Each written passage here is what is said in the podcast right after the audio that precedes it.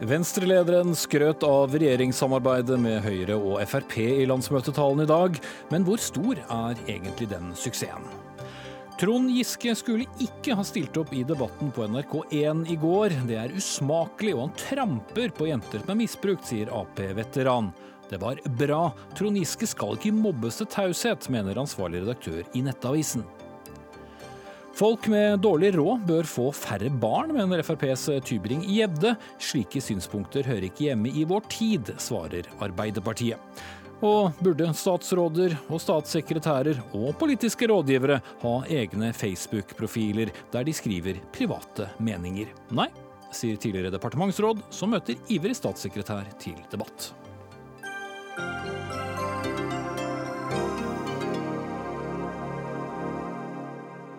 Da sier vi god kveld og velkommen til ukens siste Dagsnytt 18 med Espen Aas, der vi også skal snakke med Storbritannias ambassadør til Norge om krisen med Russland, og vi skal også innom bruken av elektrosjokk. I sin eh, første landsmøtetale siden Venstre inntok eh, sin plass i Erna Solbergs regjering, roste Venstre-leder Trine Skei Grande både statsminister Erna Solberg og ikke minst eh, sitt eget partis egne gjennomslag etter noen måneder ved kongens bord. Et parti som knapt ble nevnt, var derimot Fremskrittspartiet, og partileder Trine Skei Grande med oss direkte fra Gardermoen. Er holdningen den samme nå som for ett år siden, da dere helst ville avsatt regjeringen for å få Frp ut av eh, regjeringskontorene? Det vakreste politiske ordet av de alle. Det som har vært frihet. i Venstre, er jo at vi har det vakre ordet, frihet, innholdsfulle, politisk ladede, er både mektiggjørende og frigjørende. Det ga ikke valgresultatet noe grunnlag for, og KrF ville heller ikke være med i sonderingen. Men vi hadde lova Erna Solberg som statsminister. Vi hadde lova at vi skulle samarbeide Ikke ytret som skryt, men som skjellsord. Og da I hensikt å sverte, ramme, fengsle. Når friheten blir problemet. Når friheten blir skjellsord, når friheten blir selve fienden. Disse usynlige lenkene som holder oss, vårt sinn, våre handlinger fengslet, vi har litt uh, utfordringer med lyden på deg, uh, Trine Skei Grande. Det virker som uh, talerstolen er litt sterkere enn deg akkurat nå. Vi skal se om vi kan gjøre noe med det. Så går jeg innom Hegge Ulstein, kommentator i Dagsavisen her så lenge, mens vi ser på det på, på Gardermoen. Hegge Ulstein, hva skal vi si om talen? Hva, hva snakket Trine Skei Grande ikke om? Det er du opptatt av i det du har skrevet til Dagsavisen i morgen?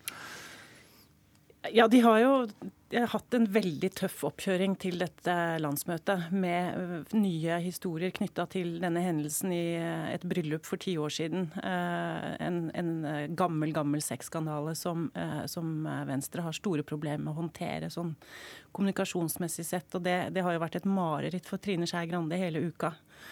I tillegg så fikk de en fryktelig dårlig måling på TV 2 på torsdag, på, på totallet. Sånn at det, det har ikke vært noen drømmestart. Men det som kanskje er, og det er jo én ting de ikke snakker om. Men eh, når det gjelder talen til Trine Skei Grande, så syns jeg det mest interessante av det hun ikke snakker om der, er som du var inne på, Fremskrittspartiet. Og at eh, hun tar en ganske sjang, stor sjanse, syns jeg, når hun eh, underspiller at Venstre var så splitta som de var da de valgte å gå i regjering med Frp. Det har vært et stort problem for mange i partiet. Og selv om de naturlig nok står mer samla bak det valget nå som, som, det er tatt, og de har gått inn i regjering, så kan jo det fort blusse opp igjen eh, seinere. Og det at den bekymringen på en måte eh, nesten blir totalt oversett i landsmøtetalen, det, da, da syns jeg hun spiller høyt. Mm. Ja, fordi eh, det var jo ikke akkurat et overveldende flertall. Hun fikk flertall for all del fra sitt eget landsstyre, men en tredel var imot. Også ja. en av hennes egne eh, nestledere, eh, Terje Breivik, eh, var imot dette. Men det virket som det var en unison suksess fra start, denne regjeringsdeltakelsen hvis vi uh, hørte talen i dag? Ja, det var, en, eh, det var, en, lang tale, og det var en lang uh, smørbrødliste av store og små seire som hun, hun, la vekt på. Hun sa også i innledningen at hun var stolt av at venstrefolk nå sto samlet bak dette prosjektet. Så får vi se om det bærer framover eller ikke. Det kommer jo antakelig, eller sannsynligvis til å henge, henge, på om de føler at de faktisk får gjennomslag, og eh, at de får et annet resultat på målingene enn, enn det vi har sett til nå. Mm. Da skal vi eh, vende oss til Gardermoen igjen, vi og deg, eh, Trine Skei Grande, og forhåpentligvis en bedre mikrofon enn, enn vi hadde i sted. Det vi har snakket om i studio, er den delen av partiet ditt som ikke delte helt din begeistring for å gå inn i regjering. Du var ikke særlig opptatt av dem i talen? Jo, jeg vil ikke heller påstå at dette var en enkel og begeistrende avgjørelse. Det var en dør Vi skal ta det valget. Eh, og jeg tror at eh, vi nå ser at Jeløya-erklæringa gjorde det valget mye enklere. Fra at vi gikk fra et landsstyre som hadde et stort mindretall som ikke ønska å gå i forhandlinger, til vi nå ser at vi har eh, et landsstyre som er enstemmig. Og dere må høre meg nå, snakker jeg. Ja, vi begynner, vi begynner, å høre deg bedre, men det hørtes ja, ja. ut som du ikke hadde riktig mikrofon. Men, hører dere meg nå? Ja, nå hører vi deg veldig godt. Eh, tilbake til, ja, tusen takk. Tilbake til, til talen, eh, Skei Grande. Eh, da du eh, i tillegg til Venstres tre statsråder nevnte at partiet også har en liten bukett statssekretærer, så sa du følgende i talen. I tillegg har vi statssekretærer både på statsministerens kontor, i Finansdepartementet og ikke minst Sveinung, altså Sveinung Rotevatn, i Justisdepartementet. Justisdepartementet. Og jeg må få lov til å si at alle tre nå har fått seg veldig gode sjefer. Vanskelig å ikke tenke seg at dette var en eh, liten hilsen, eller kanskje et sleivspark, til avgått justisminister um, Sylvi Listhaug? Det var et forsøk på å komme med en litt humoristisk kommentar, også sett i forhold til Svenung sin Twitter-melding, som også kom opp bak oss, om at eh, han eh, har da blitt avsatt eh, som statssekretær to ganger i løpet av én måned, og har opplevd litt turbulent tider om hvilke Hvem er det som egentlig er sjefen hans? Litt turbulent mellom Venstre og Sylvi Listhaug forut for valget også, kanskje. Er det lettere å drive regjering sammen nå? Nei, det har jeg ikke noe kommentar til. Men vi har i hvert fall stor tillit til at Tor Mikkel Wara kommer til å gjøre en god jobb. At han blir en god sjef i Justisdepartementet. Og de uttalelsene som førte til at Sylvi Listhaug valgte å gå, var uttalelser som Venstre tok avstand fra først. Av, eh, og vi la ut ganske klart at dette var ikke sånn man kommuniserte. Så det, det, har vært viktig for oss å si eh, hele veien. Og så er det sånn at jeg tror at de løsningene som ligger der nå, er veldig gode. Og jeg tror at det å lede Justisdepartementet nå er å stå foran veldig mange store utfordringer med alt fra innenfor terror og politi, men også alt innenfor personvern. Og det vi nå ser med Facebook, Facebook sine, sine krise knytta til Cambridge Analytica og det som skjer med personvern. Og Der håper jeg jo at vi får en justisminister som er villig til å bruke tid på det. Ok, eh, Du sa også at du ville sette ny rekord i vår moderne historie på hvor mange ordførere vi får etter valget i 2019. Men som vi var inne på studio eh, her nå, en eh, måling på TV 2 satte ned på totallet. Og på NRKs eh, siste måling så ligger dere under sperregrensen. Og Rødt har bedre oppslutning enn Venstre. Litt å gå på? Ja, Nå har vi vært over sperregrensa i snitt hver måned siden valget. Eh, og det er mange er som dømte oss eh, nedenom hvis vi skulle Nei, det betyr at vi har et godt utgangspunkt for å jobbe videre. Eh, inn mot valget så hadde vi skikkelig dårlige målinger. Første, eh, siste landsmøte så var det også veldig krevende. Så jeg vet at jeg har en organisasjon som kan å mobilisere. Når vi setter oss et mål, så klarer vi faktisk å nå det. Og nå har vi satt målet om at vi skal ha flest mulig lister med gode ordførerkandidater. Vi klarer nok ikke så mange som sist, fordi det har blitt færre kommuner. Så vi kan ikke sette oss et mål innenfor listestilling i antall kommuner. Så da valgte vi å sette oss et mål på antall ordførere vi skal klare i andre enden. Mm. Du brukte mye tid på Venstres eh, foreløpig noe korte regjeringstid eh, i talen. Men det er jo ikke til å komme fra at oppkjøringen til valget har handlet mer om deg som person snarere enn politikken som du og Venstre har ønsket eh, å føre. Kunne du håndtert den delen annerledes, slik at den hadde sluttet å forfølge deg så mye som den har gjort? Det, jeg har ikke lyst til å kommentere den saken. Jeg er på landsmøtet for å diskutere politikk, for å vedta ny politikk og for å få til det. Og jeg syns ikke at dette har noe i offentligheten å gjøre. Nei, jeg, jeg ville heller ikke inn på saken nødvendigvis, men eh, altså håndteringen. Eh, det hadde vel sikkert vært mer ønskelig fra din side også om det handlet mer om politikk, og ikke at denne saken har en, den bumerangeffekten som den har i mediene? Det, det, kan faktisk ikke jeg styre. Det her er det mange andre som også er med å sette agendaen. Jeg har valgt å ikke kommentere den. og det er fordi at jeg ønsker at vi skal diskutere hvordan vi skal gjøre dette samfunnet grønnere, rausere og mer sosialliberalt. Syns det faktisk er viktig å bruke de tre dagene jeg har sammen med partiet til å sette fokus på det. Da skal du få lov til å gå tilbake til landsmøtet og gjøre det. Takk skal du ha, eh, Trine Skei Grande. Vi skal eh, straks få med oss eh, vår kommentator Magnus Takvam fra Gardermoen, men går tilbake til deg, Hege Ulstein, her i, i studio. Det blir vanskelig å slippe den saken. Altså, greit nok at jeg stilte spørsmål om den nå, men den, den preger jo fortsatt nyhetsbildet mye. Ja, og jeg skjønner uh, Trine Skei Grande veldig godt. Uh, det, er, uh, det er ikke noe OK sak for henne å diskutere. Og jeg syns også det er ganske urettferdig, for å være helt ærlig, at den løftes opp sammen med en del andre metoo-saker. Til forskjell fra sakene vi har hatt med Trond Giske, Christian Tonning Riise, Ulf Leirstein, som er de tre største metoo-sakene i politikk med, med, med kjente menn. da så, skjedde, så, er dette en engangshendelse, etter det vi vet. Det har ikke skjedd igjen og igjen over år. Og det har heller ikke skjedd i politisk sammenheng, partisammenheng, sånn som i de andre sakene. Så jeg, jeg syns at hun får uh, rett og slett ufortjent uh, mye problemer pga. den saken. og Eh, er, eh, jeg forstår også at det er veldig vanskelig for Venstre å håndtere den. Og det, det må være fryktelig frustrerende for dem at, at, de ikke får lagt den død, men at den dukker opp igjen og igjen, nå sist da ved at Ola Borten Moe av en eller annen grunn syntes at han skulle begynne å snakke, snakke om den rett før landsmøtet. Da skal vi ha med oss Magnus Takvam oppe fra Gardermoen. Og Magnus, du merket deg også at Trine Skei Grande ga Fremskrittspartiet lite oppmerksomhet i talen. Hvordan tolker du det? Nei, altså Talen var jo, som dere sikkert har vært inne på, eh, et eh, forsøk på å eh, forklare og forankre det tross alt veldig kontroversielle grepet de har gjort med å gå inn i en regjering med Frp, i motsetning til det de fleste oppfattet både på det forrige landsmøtet for et år siden og i, valgkampen. Og det var på en måte bare en implisitt håndtering av eh, Fremskrittspartiet som nå plutselig er, eh, er borte fra, fra, fra, talen. Men hun, eh, hun, De peker da på folk jeg sier dette til i, i rådgiverkorpset rundt Trine Skei Grande, at hun jo har snakket masse om Frp i intervjuer osv. Så, videre. så dette var, det var vel et bevisst valg på å snakke mest mulig om Venstre. og markere deres gjennomslag, liksom. Eh, ja, hvor stort i, i, er det eh, gjennomslaget egentlig i regjeringen, Magnus?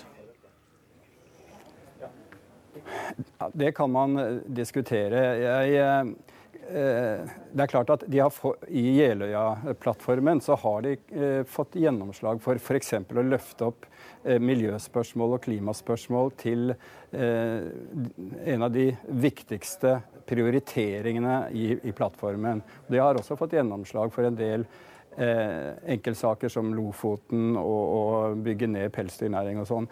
Men samtidig så F.eks. denne nyhetssaken som, som hun trakk fram i talen i dag, om å gi midlertidige arbeidstillatelser til asylsøkere i integreringsmottak, er jo i, i prinsippet et opplegg som Eh, Sylvi Listhaug og den forrige regjeringen eh, initierte, og som har vært på høring. Sånn at Det er på en måte litt av modellen for, for det kompromissarbeidet de har med Frp.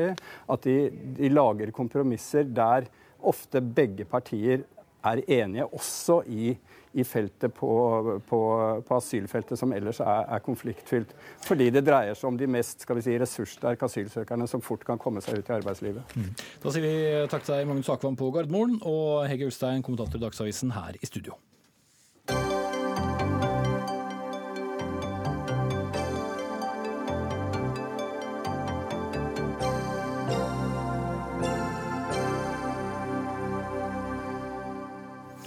Så skal det nok en gang handle om eh, Trond Giske i Dagsnytt 18. For det er kommet eh, sterkt kritiske reaksjoner på at den avgåtte nestlederen i Arbeiderpartiet i går kveld for fullt var tilbake i den politiske offentlige debatten og deltok i debattprogrammet Debatten her på NRK. Giske mistet som kjent alle sine verv i Arbeiderpartiet i januar, og altså gikk av som nestleder. Det er eh, første gang siden sykemeldingen og ikke minst metoo-varslene mot ham at han deltok i en rikspolitisk TV-debatt. Grete Fossum, vi eh, kjenner deg som tidligere stortingsrepresentant i Arbeiderpartiet. Du sa at du ikke engang ville se debatten om kirkepolitikk på NRK1 i går. Hvorfor ikke? Det var en flott eh, håndballkamp fra Paris, og det var, kom i veien. Men eh, jeg har ikke lyst til å se Trond Giske på TV. Eh, jeg syns ikke at han viser tilstrekkelig ydmykhet i forhold til det han har gjort. Hva skulle han gjort? Han skulle sagt nei takk. Jeg vil ikke delta. Fordi han alle er jo enige om at han er en god politiker, og det er eh, fellestrekket for eh, metoo-overgriperne. De er kjempedyktige fagpersoner. Filmskapere, skuespillere, journalister. De har gjort gode jobber. Og så har de misbrukt tilliten sin ved å overgripe andre seksuelt. Og det er så alvorlig for meg at man kan ikke fortsette i et tillitsverv når man har gjort slike ting. Eh, men nå er jo Giske ikke dømt for noe straffbart, og skal fortsatt utføre sitt verv som folkevalgt eh, stortingsrepresentant gjennom denne eh, stortingsperioden. Hvorfor skal han da ikke kunne delta i et offentlig ordskifte? Han eh, har Hver gang han viser ansiktet sitt på TV, så er det en del eh, unge kvinner som føler at denne mannen burde vi slippe å se. Det er den ene tingen. Den andre tingen er at han er eh, han har gjort noe, eh, ikke straffbart etter loven, men han har mistet tillit. Og selv om du er dyktig eh, som politiker eller filmskaper eller hva du er, så har du ikke tillit. Og det, det, det må du ha som politiker. Arbeiderpartileder Jonas Gahr Støre sa det allerede i slutten av januar at Giske trengs i stortingsgruppen, han trengs i det politiske arbeidet. Tok Støre feil? Ja, det kan godt være at han trengs innbyrdes. Det kan godt være at han kan være der, men ut i offentligheten bør han selv velge å si nei takk. Fordi han har både nå, i debatten i går, og dessuten i, eh, i, på årsmøtet i Trøndelag Arbeiderparti sagt ja til å sitte i verv som gjør at han blir veldig fremtredende. Og det viser meg at han mangler ydmykhet og eh, han skjønner ikke egentlig hva han har gjort. Og han bør trekke seg stille og rolig ut av det å være stortingsrepresentant. Men det er jo, som vi vet, eh, veldig vanskelig hvis vi skal følge loven eh, der også. Så han vil jo bli sittende som, som stortingsrepresentant. Når kunne han da eventuelt eh, meldt seg inn i offentligheten, slik du ser det? Altså, Det er ikke alle stortingsrepresentanter som er ute i det offentlige. Han er ettertraktet fordi han er flink politisk, men han mangler totalt tillit i forhold til å ha med f.eks. unge kvinner å gjøre. Og det syns jeg at han selv bør ta hensyn til, og finne seg noe annet å gjøre. Mm. Da sier vi takk til deg. Dagsnytt 18 har eh, for øvrig eh, henvendt oss til Trond Giske for å kommentere denne saken i dag. Han har ikke svart oss. I tillegg så har eh, Aps ledelse så vi har fått opplyst at Aps ledelse ikke er tilgjengelig. Jonas Gahr Støre og Hadia Tajik er på reise. Arbeiderpartiets informasjonsavdeling skriver til oss at henvendelsen om å delta i debatten kom direkte fra NRK til Trond Giske som tidligere statsråd, ansvarlig for kirkesaker og som medlem av familie- og kulturkomiteen komiteen. Så eh, Gunnar Stavrum, ansvarlig redaktør og administrerende direktør, redaktør i, eh, direktør faktisk, i Nettavisen, eh, med oss fra vårt studio i Tønsberg. I en kommentar med tittelen 'Trond Giske er ikke spedalsk', skriver du at han har all mulig rett til å ytre seg i offentlige debatter. Men har ikke Grete Fossum også et poeng, at det er en del som vil sitte der ute og reagere på dette? For meg er det viktigste prinsipielle i denne saken at det er opp til NRK å invitere hvem de vil i en slik debatt. Og eh, jeg roste NRK for at ikke de ga etter for presset og ikke invitere Giske. Så er det jo sånn at han ikke er spedalsk. Han sitter på Stortinget og skal sitte der i tre år til. Og partiet har plassert han i fagkomiteen, nemlig familie- og kulturkomiteen. Han har lang erfaring som kirkepolitiker, og det er nokså naturlig at han stiller opp i de debattene. Og Det siste momentet jeg vil nevne, det er faktisk at fraksjonslederen i komiteen for partiet, nemlig Kari Henriksen, helt klart sier at en del av jobben hans er faktisk å delta i debatter, og at han har lang erfaring på dette politikkområdet. Så hun, altså en av hennes nærmeste medarbeidere nå, støtter at han deltar i offentlige debatter. Mm. Hva ville konsekvensen ha vært, mener du da, hvis han hadde sagt nei til å delta i debatten i går, noe han ellers har gjort eh, på andre henvendelser, bl.a. her i Dagsnytt 18? Nei, altså, Hvis partiet hadde ment at, han, eh, at, det han gjorde var så grovt at de ville ekskludere han, så kunne han jo ikke representert Arbeiderpartiet. Eh, hvis de også på en måte offentlig hadde pålagt han en munnkurv, så hadde jo det vært noe. Men så lenge han nå er tilbake på Stortinget og sitter i fagkomiteen og har god kunnskap om dette temaet, så syns jeg det er naturlig at han representerer partiet i offentlige debatter. og det aller viktigste det er opp til mediene å invitere hvem vi ønsker skal være der, ikke opp til eh, partiledelsen å si at vi skal snakke med noen og ikke andre. Mm. En som er langt mer kritisk til deltakelsen, det er deg, det er Svein Tore Martinsen, statsviter og frittstående kommentator. Eh, jeg siterer helt ubegripelig at Arbeiderpartiet lar seg representere av Trond Giske i kveldens debatten. Hvorfor stopper du ikke dette, Jonas Gahr Støre? Det skrev du i går kveld. Hvilken eh, skade har skjedd ved deltakelsen? Nå har det vært veldig mange modige, tøffe, unge kvinner som har stått fram de siste månedene i Arbeiderpartiet, men også i andre organisasjoner, og sagt ifra. Og varslet om maktmisbruk, om uønsket seksuell oppmerksomhet, om seksuell trakassering. Og Det virket som Arbeiderpartiet tok dette på alvor. Riktignok så famla de litt i starten, men de gjorde de nødvendige grepene. De fratok Giske de ekstra tillitsvervene som nestleder, som finanspolitisk talsperson og som sentralstyremedlem. Det var helt riktig. Men det som skjedde i går, det var å sende et helt motsatt signal. Det var å si at OK, nå har vi fratatt deg noen verv, eh, men nå er det en viktig TV-debatt. Eh, debatten er vår viktigste eh, debattforum, iallfall foreløpig, i primetime på TV. Det er å si vær så god, scenen er din. Det er å utvise en mangel på dømmekraft, og det er på mange måter, syns jeg, å tråkke på de unge, modige kvinnene som har sagt ifra. Og det syns jeg at Arbeiderpartiet, som har varslet at de ønsker å gjøre metoo til et veiskille, de ønsker å gjøre det til en viktig kampsak i årene framover. Da kan de ikke ha en person som på mange måter har blitt symbolet på de holdningene og det maktmisbruk man ønsker å, å få bort.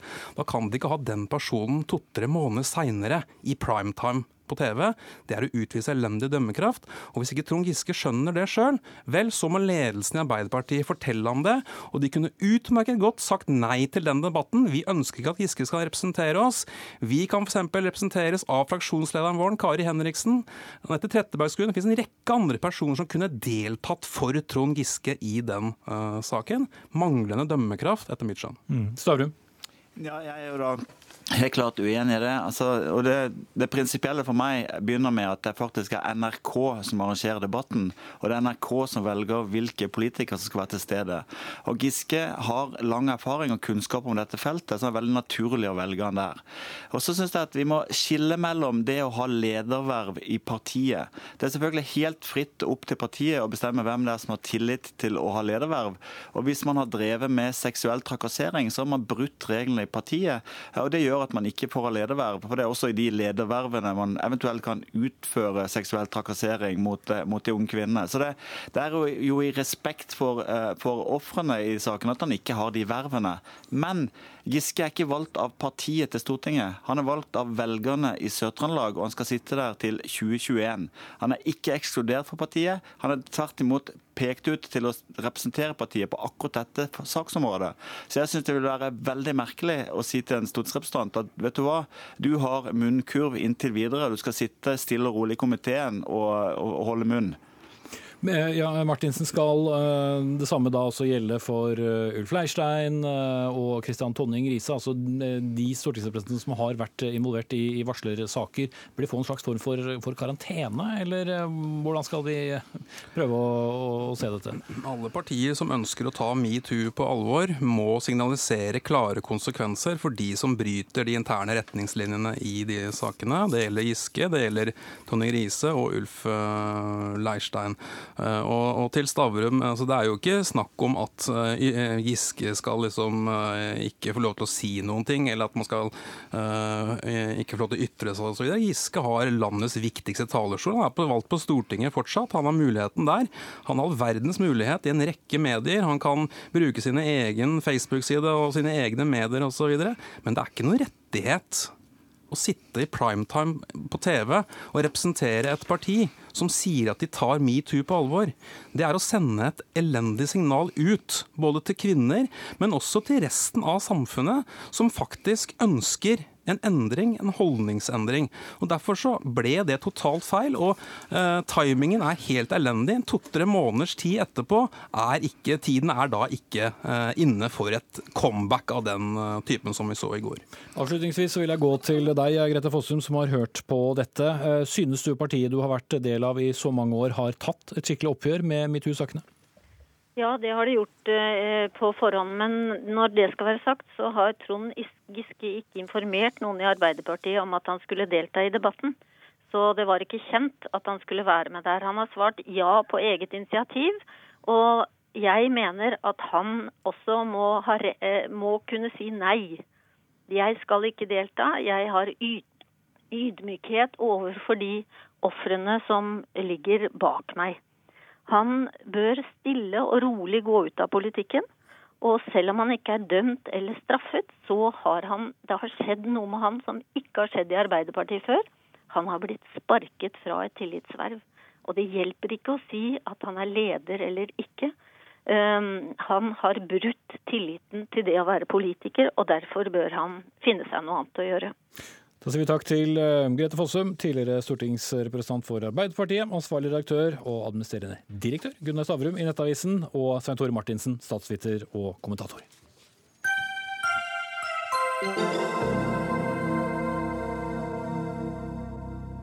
Ikke med norsk eh, politikk, for så vidt. Eh, under overskriften 'Folk med dårlig råd bør få færre barn', figurerer Fremskrittspartiets Christian Tybring-Gjedde i Dagsavisen i dag.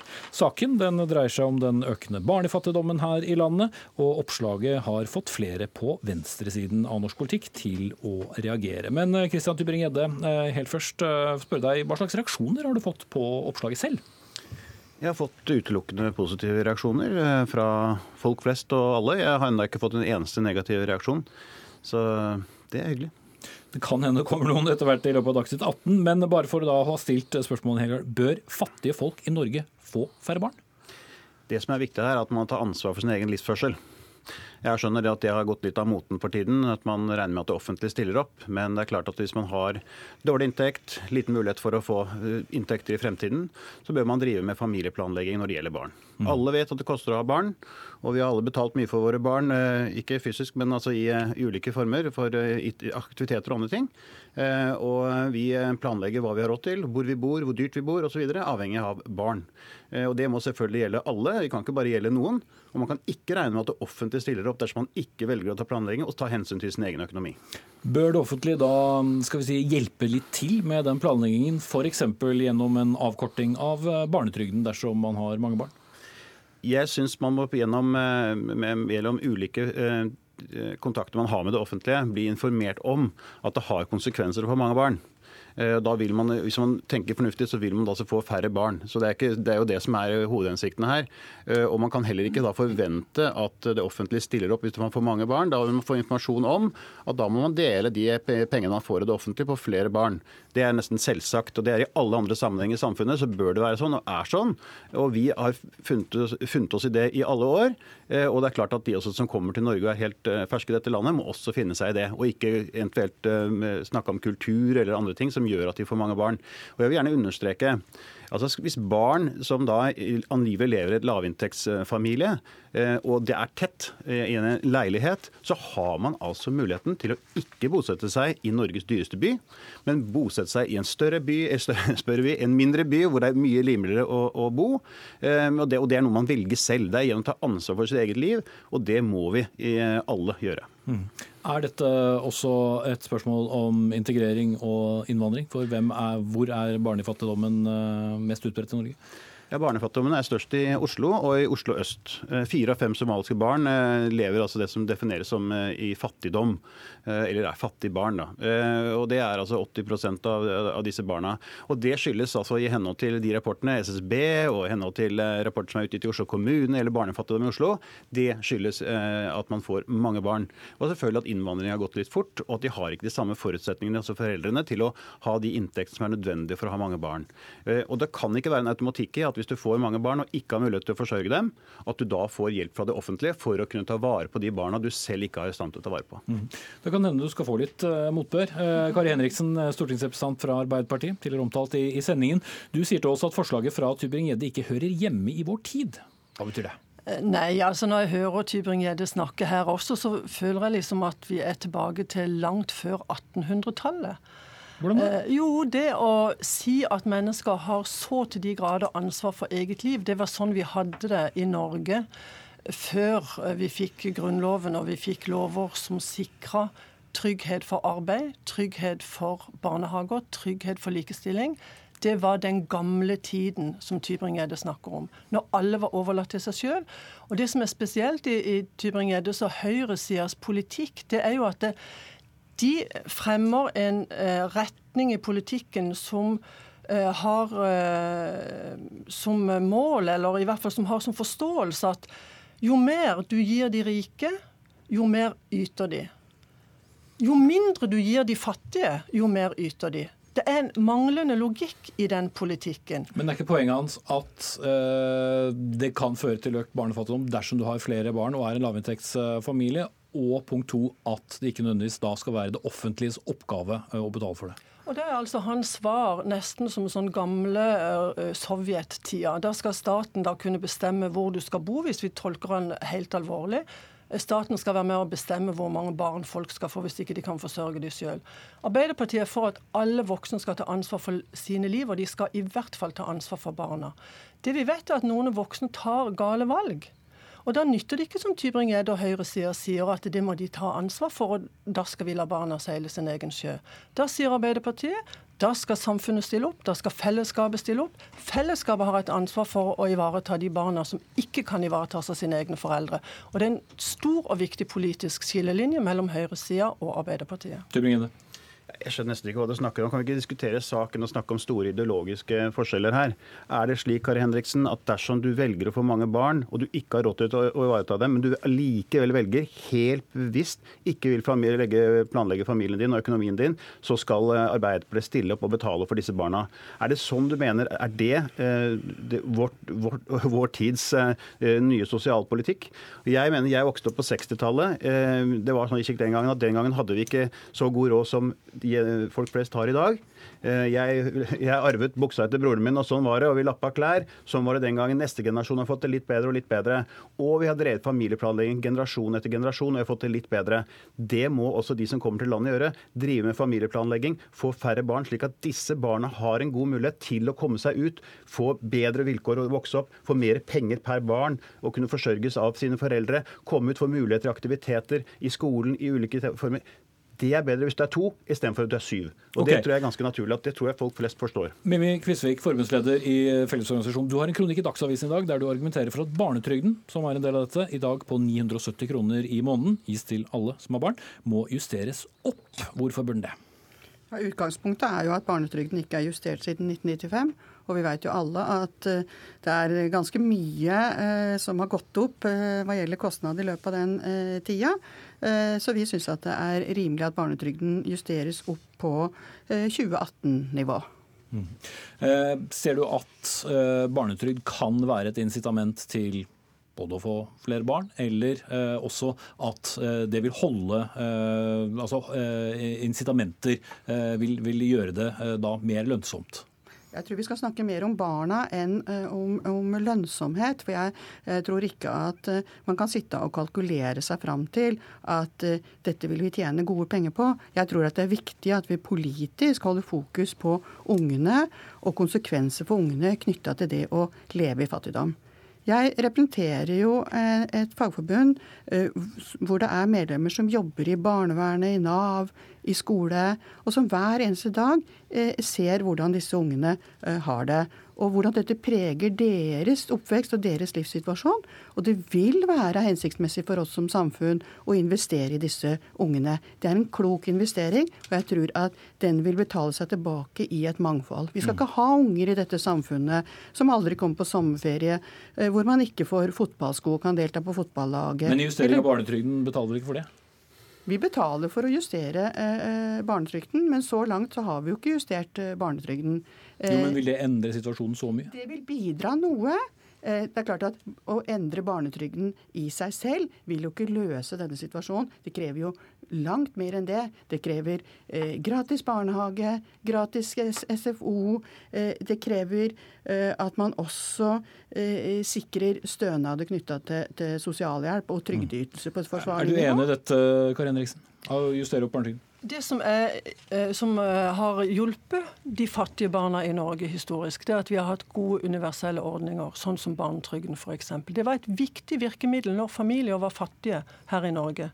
Eh, det gjorde at barn fikk tilgang til mat og til klær som de ellers ikke ville ha fått pga. en eller begge foreldrenes misskjøtsel. Men hva i 2018? I 2018 så kan det godt være at en skal diskutere barnetrygdens innretning. Det er en debatt som også går i vårt parti.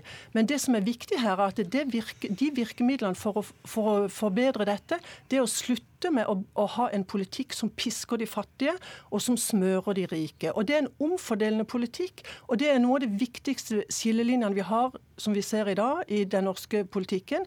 Det er at høyresida kontinuerlig trekker ned eh, økonomi og velferdsordninger for de som har lite fra før. Men hva med yrkesdeltakelse, er ikke det den aller beste veien? Den aller beste veien det er yrkesdeltakelse. Og det er det som sikrer, som sikrer at folk ikke kommer i fattigdom. Og nå har vi hatt eh, en, eh, en tid der vi har hatt veldig mange ledige.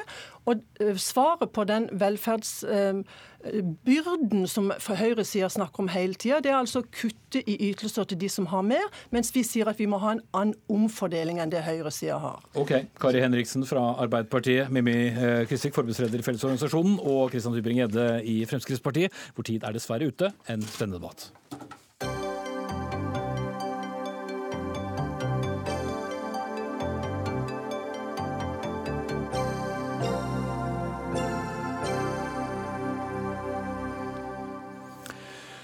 Erna Solberg på fotballkamp og i skisporet. Per Sandberg som leser en stortingsmelding på strand. Ja, det er bare noen av eksemplene på politikere som eh, fremmer seg selv på sosiale medier som Facebook. Men eh, politiske rådgivere, statssekretærer og statsråder bør ikke ha egne Facebook-profiler der de skriver private meninger og profilerer seg som politikere. Ja, det sier du til Aftenposten, Anne Kari Lande Hasle, tidligere departementsråd i Helsedepartementet. Hvorfor? Jo, eh, det sier jeg fordi eh, en statsråd er statsråd 24 timer i døgnet, syv dager i uken. Og det fins ikke noen privat praktiserende eh, som eh, etter min mening skal opprette en egen Facebook-side eller ha en egen blogg, eller andre ting som kommer opp med nye eh, formidlingsflater. Det samme gjelder jo i og for seg avis og sånn også, men der har det jo ikke vært interessant på samme måte. Kommer veldig nært på velgerne da, ved å vise sine folkelige sider? Ja. Øh, dette handler for meg om at man formidler egentlig to budskap samtidig. Både som statsråd, og så mener man litt annet som privatperson. Uh, I tillegg til den tiden det tar, og hvem som eventuelt er med å redigere og hjelpe. Jeg har noen spørsmål også når det gjelder det. Mm.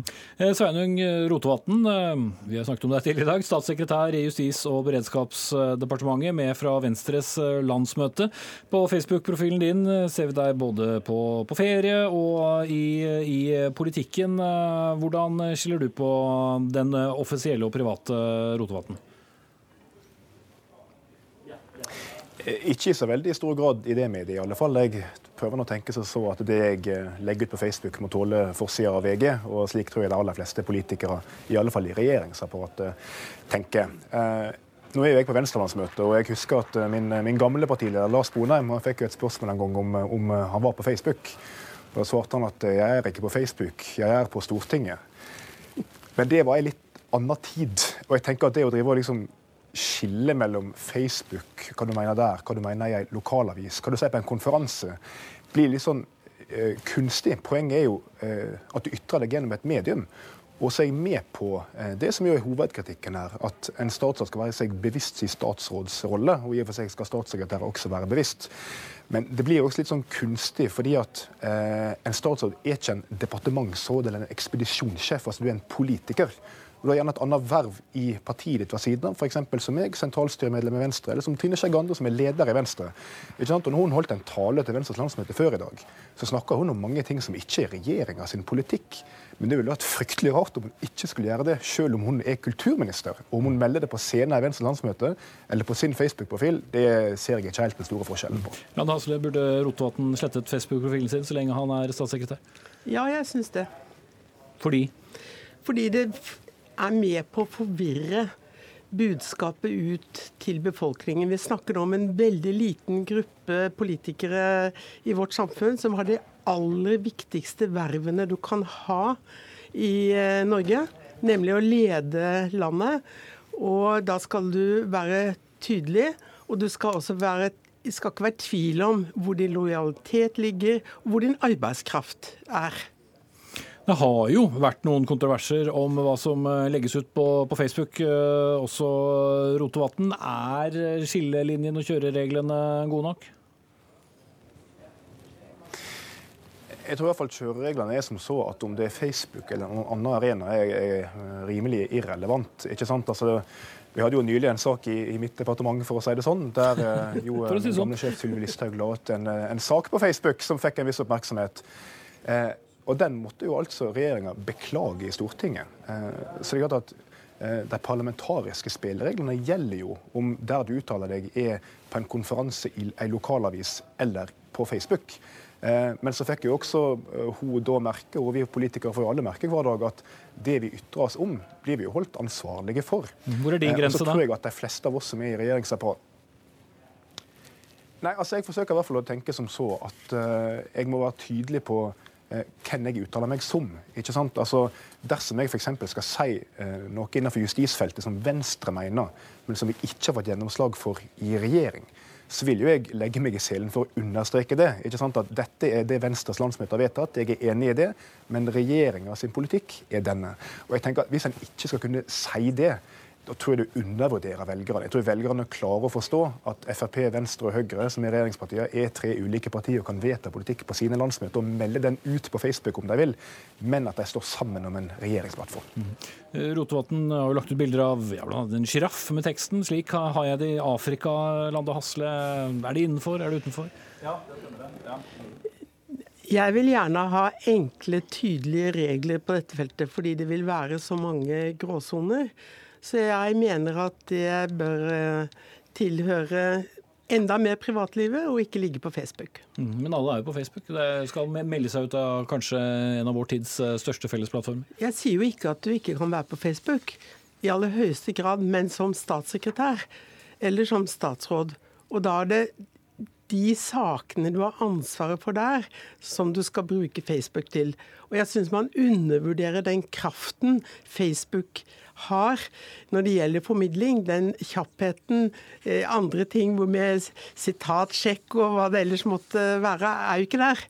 Så det at noe går feil, kan skje fort. Og det, da må man bruke mye energi for å rydde opp, og også formidle. altså Det å velge ut hva som skal ligge på Facebook, det tar både tankekraft og tid. Takk skal du ha, Anne Kari Lande Hasle, tidligere departementsråd, og Sveinung Rotevatn, statssekretær i Justisdepartementet for Venstre.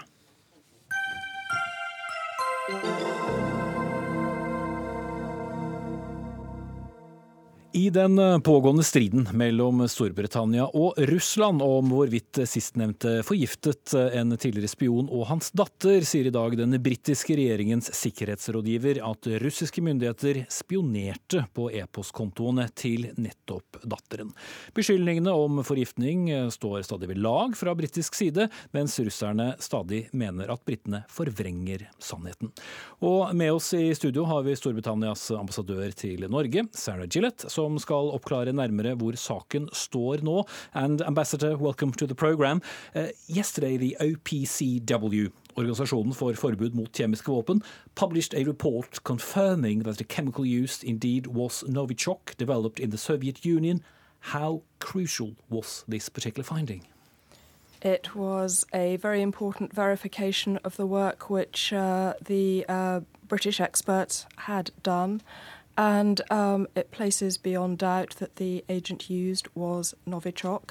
And those findings, combined with the British government's uh, assessments of open source information and intelligence, leads us to conclude that uh, there is no other plausible explanation but that Russia was behind this attack. How can you be so sure? The uh, British National Security Advisor has written today to the NATO Secretary General and our allies with details of uh, our assessment. And this is based on three things uh, Russia has the means, the motive, and the experience. And I can go into that in a little bit more detail if you would like me to. Mm. Ambassadøren sier altså at uh, dette plasserer uh, langt på vei uh, ansvaret hos russerne. men russerne sier også i dag at dette kun beviser hva slags stoff det er. And ambassador, the Russians are saying that it only proves the chemical use, not who's behind. Well, as I say, we have come to the conclusion that the only plausible explanation is that Russia is behind it. And this is because we know that Russia has developed Novichoks, that uh, um, Russia has uh, used Novichoks, and um, that um, Russia had the motive because of the uh, record of uh, assassination attempts against former intelligence officers. And we know that uh, the Skripals, who were convicted of espionage in that um, Sergei Skripal, who was convicted of espionage in 2004, um, we know that um, he was um, highly likely to have been a target. Not only is this conflict very tense, but at the same time we have the escalating conflict surrounding Syria, where the UK and Russia again are on each side of the argument. How critical would you describe the relationship between the two nations at this very moment? The uh, relationship between Russia and the United Kingdom is full of uh, very grave matters at the moment.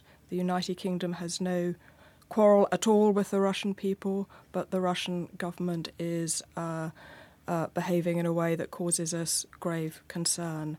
And we are, of course, appalled by the attack which took place in Syria on Saturday with the use of chemical weapons that was highly likely um, instigated by the Syrian regime. Are the situation now in a deadlock? Is there any way to go from here? Well, uh, the uh, British Prime Minister uh, called the Cabinet yesterday, and we continue to work with our uh, close allies, the United States and France, to consider the information and what, uh, what needs to be done to keep the world safe and to uh, prevent further use of chemical weapons and to consider preventing further humanitarian uh, tragedies like uh, like. Mm. En, eh, en, svært vanskelig situasjon, sier altså ambassadøren, eh, og at de fortsetter samtalene med eh, sine nære allierte om hva som skal skje i forhold til situasjonen i, i Syria. But if we go back to the uh, uh, Skripal uh, case again, Ambassador, what are you expecting the Russians to do? Will are you expecting them to say, okay, we're behind it? Will, will this story go any further than we are at this moment? I think uh, there are there's the difference between what we would like Russia to do and um, what uh, the indications are that uh, we are worried about. We would like a satisfactory explanation from the Kremlin, but uh, we have not had one. What, have, what, would a uh, good explanation be? Um, a good explanation would be um, how could this um, agent have been um, used in an attack in Salisbury? Uh, instead, what we have experienced since uh, this shocking attack has been uh, a series of uh, rather ludicrous statements uh, amounting to uh, what looks like a sustained disinformation campaign full of all sorts of obfuscation instead of cooperating with the international community's desire to um, prevent uh, the use of chemical weapons. Uh, lastly, Ambassador, does that mean that the only answer you would expect then is for the Russian to say, okay, we're behind it? Well, uh, we have asked Russia and given Russia plenty of opportunities to explain, and uh, they have not yet done so. Thank you, ambassador. Eh, og ambassadør eh, Sregilit sier altså at eh, de foreløpig ikke har fått det svaret, eller de svarene som er tilfredsstillende nok, og dermed så fortsetter altså denne svært kritiske situasjonen mellom de to nasjonene.